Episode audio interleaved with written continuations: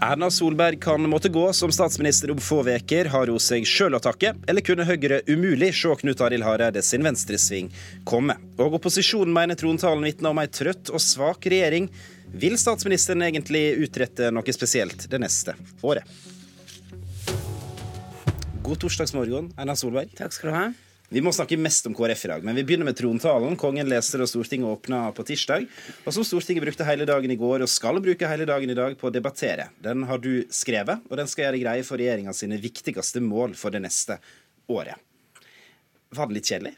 Nei, den er ikke kjedelig, men den er, den er som trontaler uh, flest. Den har inneholder ikke nyheter, det har ikke en trontale gjort så lenge jeg sitter på Stortinget. Men den inneholder retningen på det som er viktig. Og vi har et viktig prosjekt i regjeringen. Det har vi jo definert i fjorårets trontale som det bærekraftige velferdssamfunnet. Og vi har gått mye mer i detalj i dette når det gjelder Jeløya-erklæringen. Og derfor er jo den trontalen bygget opp rundt de seks hovedutfordringene vi ser på bærekraften. Det å skape flere jobber.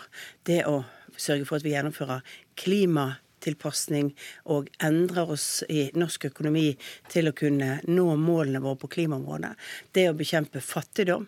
Det å sikre at vi alle kan delta i vårt, vårt samfunn. Eh, det er viktige målsetninger og saker, men som selvfølgelig i en kort håndtale får noen få linjer hver. Men vi har et veldig klart og definert prosjekt for regjeringens arbeid, og alle statsrådene jobber jo nå med hvordan vi gjennomfører disse områdene. Og det har to påler. Bærekraftig velferdssamfunn og et tryggere Norge. Mm. Mens du var i USA forrige uke, så kom det en rapport fra to SSB-forskere som viser at ulikheten i Norge øker, og har gjort det hvert år siden du var statsminister, og før det. Store deler av opposisjonen de kjørte regjeringa di på det her i trontaledebatten i går. Og da spør jeg, er det, er det, viktig for deg at gapet mellom rike og fattige skal bli mindre? Ja, det er viktig for meg at vi utvikler et samfunn som har tillit og henger sammen. Det betyr at vi må, må sørge for at vi både ruster alle de som utenfor arbeidsmarkedet, og som jo utgjør en stor del av de fattige folk som står utenfor arbeidsmarkedet.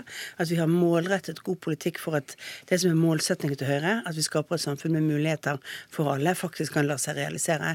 Men da er det viktig å si at, og det er jo en del av de utfordringene vi peker på i de seks utfordringene som vi har i Jeløya-erklæringen, det er jo bl.a. å løfte folk ut av fattigdom. Det dreier seg om å sørge for at vi har et ruspolitikk som fungerer, sørge for at helsepolitikken vår blir bedre, det sørger for at vi jobber med psykisk helsevern. men ikke minst med det store integreringsløftet som Jan Tore Sanner nå jobber med, for å bidra til at mange av de som kommer, og det er der hovedøkningen i antall fattige i Norge kommer, det er jo de mange familiene som har innvandret til Norge, og hvor eh, mange av de ikke er rustet for å klare seg i dagens arbeidsmarked, og hvor vårt integreringsopplegg ikke er godt nok, tett nok og må reformeres for at vi skal sørge for at enda flere klarer seg selv. Det er jo det å ruste mennesker for å ha mestret sitt eget liv, er noe av mitt viktigste politiske arbeid. Det dreier seg om god helsetjeneste, god rusomsorg. Det greier seg om å sørge for at folk som har utfordringer, for lite kompetanse, får det. Og i fremtidens Norge så vil teknologi faktisk utfordre oss enda mer på ulikhet. Eh, hvis du går til USA, for eksempel, som har et Det trenger vi egentlig ikke gjøre, Nei? for nå har du snakka ganske lenge. Og jeg tror vi skal bruke noen minutter ja, Det betyr jo bare at jeg har et viktig prosjekt. det er det. At jeg syns at dette er viktige saker å jobbe med. Og jeg tror vi skal bruke en del minutter på nettopp et parti som sier de er veldig opptatt av de økende forskjellene, KrF, og ditt forhold til dem, og ikke minst Knut Arild Hareide. Abonner på Politisk kvarter som podkast og få sendinga rett til din mobil. Forstår du deg på han? Har du skjønt noe hvorfor han vil gå til venstre? Jeg skjønner at han vil gå til venstre fordi at eh, KrF føler at det er vanskelig å stå i den sitsen de er i i dag, hvor de egentlig føler seg presset mellom to blokker. Men jeg er jo uenig i analysen av hvor de både burde gå, og hvor de får mest gjennomslag for sine politiske saker. Eh, så, så i så måte så, så forstår jeg dilemmaet han står i, og dilemmaet KrF føler i norsk politikk, men mm. jeg føler at de går i feil retning i forhold til det jeg opplever at KrF sitt grunnlag er. Mm. Hvordan har relasjonen mellom deg og Hareide utvikla seg de siste årene? Vi har en god relasjon. Jeg tror dette dreier seg om politiske saker, og dreier seg om, om, eh, om eh, ja, kanskje at gresset ser grønnere ut på andre siden, uten at man egentlig har prøvd det.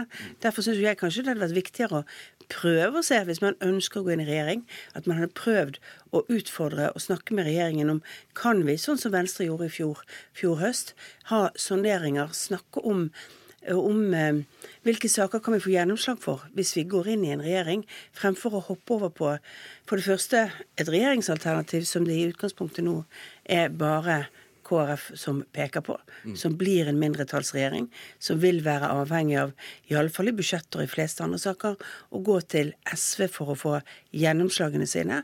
Arbeiderpartiet har jo definert seg som et parti som skal samarbeide mot Venstre, eh, ikke mot sentrum etter valget sist gang.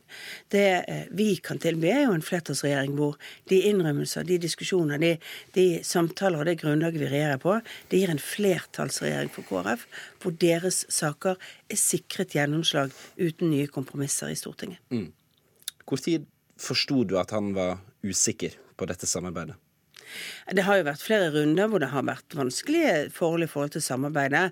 Eh, det er jo, Vi har tøffe budsjettdebatter om saker og gjennomslaget, ikke minst i en periode hvor flyktningtilstrømningen var stor, hvor vi hadde mye penger vi måtte plassere på det, som presset ut andre prosjekter, hvor, eh, hvor vi hadde diskusjoner om klimaspørsmålene.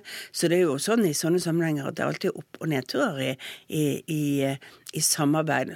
Eh, det vil det også være hvis du sitter i regjering, fordi at alle brenner for sine saker. Bare at da blir det ikke like synlig, kanskje? Nei, det blir ikke synlig, men, men det jobbes noe mye med å få sagt hva sine primære standpunkter er fra alle som sitter i regjering også. I boka si så bruker Hareide mye plass på å beskrive hvor stort det skuffa han da du holdt hånda di over Sylvi Listhaug etter hennes berømte Facebook-post om Arbeiderpartiet og terror i vår, og at du var villig til å sette hele regjeringa sitt liv på spill for henne. Forstår du skuffelsen hans? Eh, jeg forstår at eh, de mente at, og det, det var et klart uttrykk for, at, eh, at Sylvi Listhaug har gått over en strek. Det sa jo jeg også. Nei, jeg, jeg, sa faktisk på lørdagen, denne posten kom på fredagen, så sa jeg at dette var en form for retorikk som jeg ikke var enig i. Denne spissete debatten, og at det var en retorikk også så, som går for mye utover Arbeiderpartiet. Men det er en for spisset, spisset retorikk, og jeg er ikke tilhenger av den typen. Jeg er fortsatt tilhenger av en kjedelig politisk debatt som dreier seg om saker, innhold, og ikke fargelegges med adjektiver som, som, som ikke der er egentlig hold i. Så du, du tar ikke sjølkritikk på, på noe uh, når det gjelder håndtering av den saka? Sikkert, jo, jeg har jo tatt det før. Mm. Jeg har tatt det at det tok for lang tid å skjønne hvor vondt det var i deler av Arbeiderpartiet. Og det var jo fordi jeg fikk beskjed om Ja, men det var da jeg fikk beskjed om uh, fra enkelte av overlevende fra Utøya hvor tungt dette var for dem at jeg også så at dette gikk lenger enn den voldsomme politiske debatten. Gikk inn i et område som gjorde at jeg også arbeidet for, og derfor sa jo regjeringen også unnskyld. Det tok altså tre-fire dager før jeg på vegne av regjeringen beklaget den Facebook-posten og eh, den, den uttrykksformen. Mm. For det, har vært en hard tone mellom Frp og Hareide flere ganger. Sylvi Listhaug har skuldrene for steike imamer opp etter ryggen. Per Sandberg har sagt det er KrF sitt ansvar at ungdom blir rekruttert til terror. Og i helga sammenligna Masiar Keshvari Hareide med Judas. Har du og Høyre tatt for lett på hvor tungt dette tydeligvis har vært for Hareide å stå i? Nei, og vi har faktisk, når det gjaldt spørsmålet om islamsteiking, så sa jeg med en gang at det var uakseptabelt.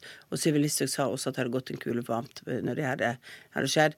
Det, det, det, er sånn at det skapte et inntrykk av at vi ikke har satt foten ned. Det har vi faktisk gjort gjentatte på flere av disse tilfellene og sakene.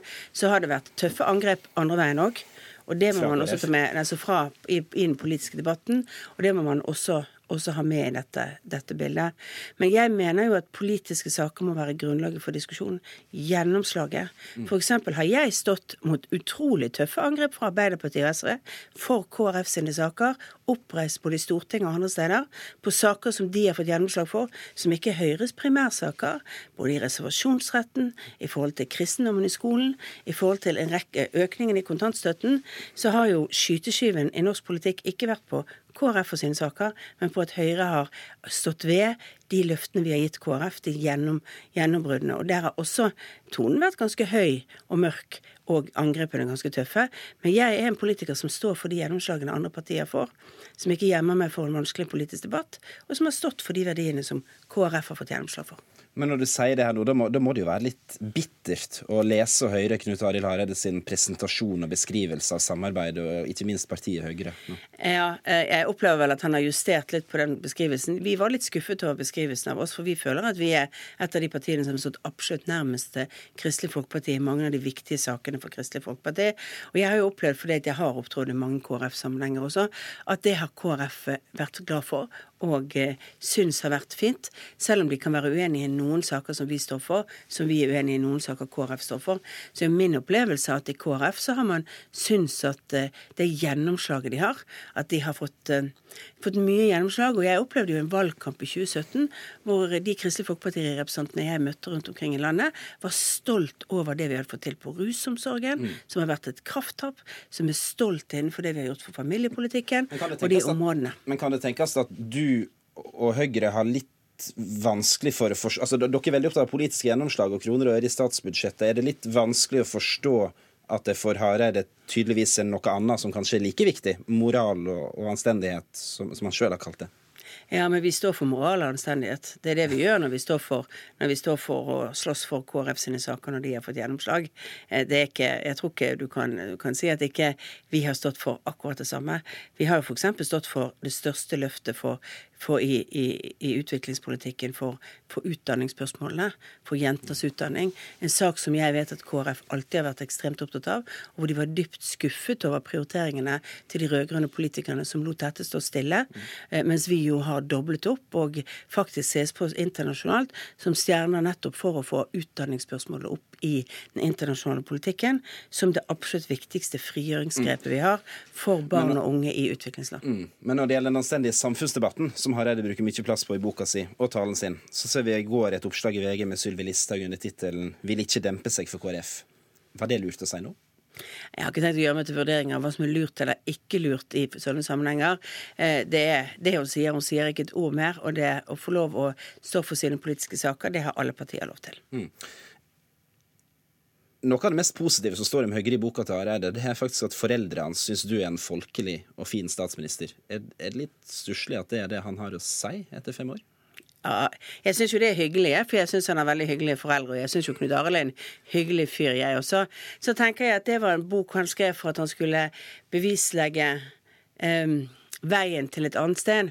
Og da underslår du kanskje litt for mye av det man ja, at, at, du underslår du kanskje litt mye de gjennomslagene og de sakene man har fått gjennomslag for. Og den stoltheten som jeg opplevde at Knut Arild og KrF har hatt for sakene de har fått igjennom. Mm. Det har jo vært et løft for f.eks.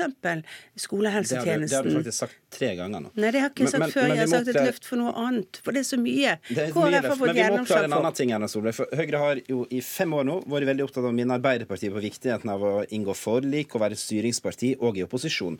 Så ser vi denne veka oppslag med deg og Bent Høie med overskrifter som nekter å samarbeide om hun blir kastet. Gjelder alt dette kun budsjettsamarbeid? Dere, dere kan samarbeide med en eventuell ny regjering i enkeltsaker?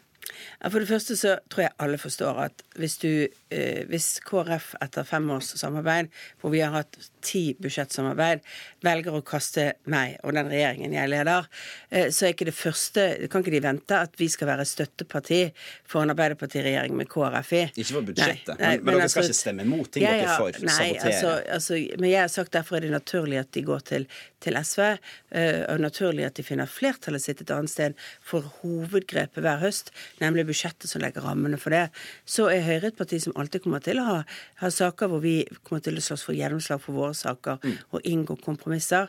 Og den overskriften er jo en typisk overskrift ja. eh, som er laget et sted hvor ikke den helt avspeiler hva jeg sa. Jeg snakket Skjønner. om budsjettet. Skjønner. Men, du, men, men, det må være men det, bare, bare understreke at det er, jeg tror folk skjønner ganske godt at det å kaste en regjering, ja. eh, kaste en statsminister, eh, kaste meg, betyr, betyr jo ikke at det første vi gjør, er å si at vi er for en regjering som i dag annonserer som skal øke kjapt, skattene kjapt og bidra til dårligere vilkår Fint. i privat sektor. Slutten, Erna Solberg. I 2014 utnevnte finansminister Siv Jensen forretningsmann Johan Andresen til leder for oljefondet sitt etikkråd.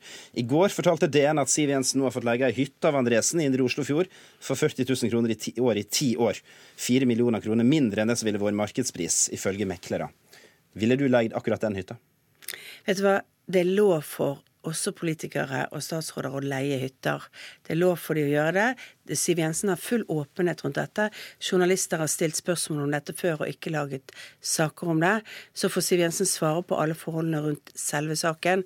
Men dette har hun vært åpen om. Hun har vært åpen om i det regjeringsapparatet. Hun har vært åpen om det til alle journalister. Vi rekker faktisk ikke mer. Vi ser deg igjen i debatten i kveld hos kollega Fredrik Solvang. Kan hende KrF blir et tema der òg. Politisk kvarter er slutt for i dag. I studio Cato Husabø Fossen.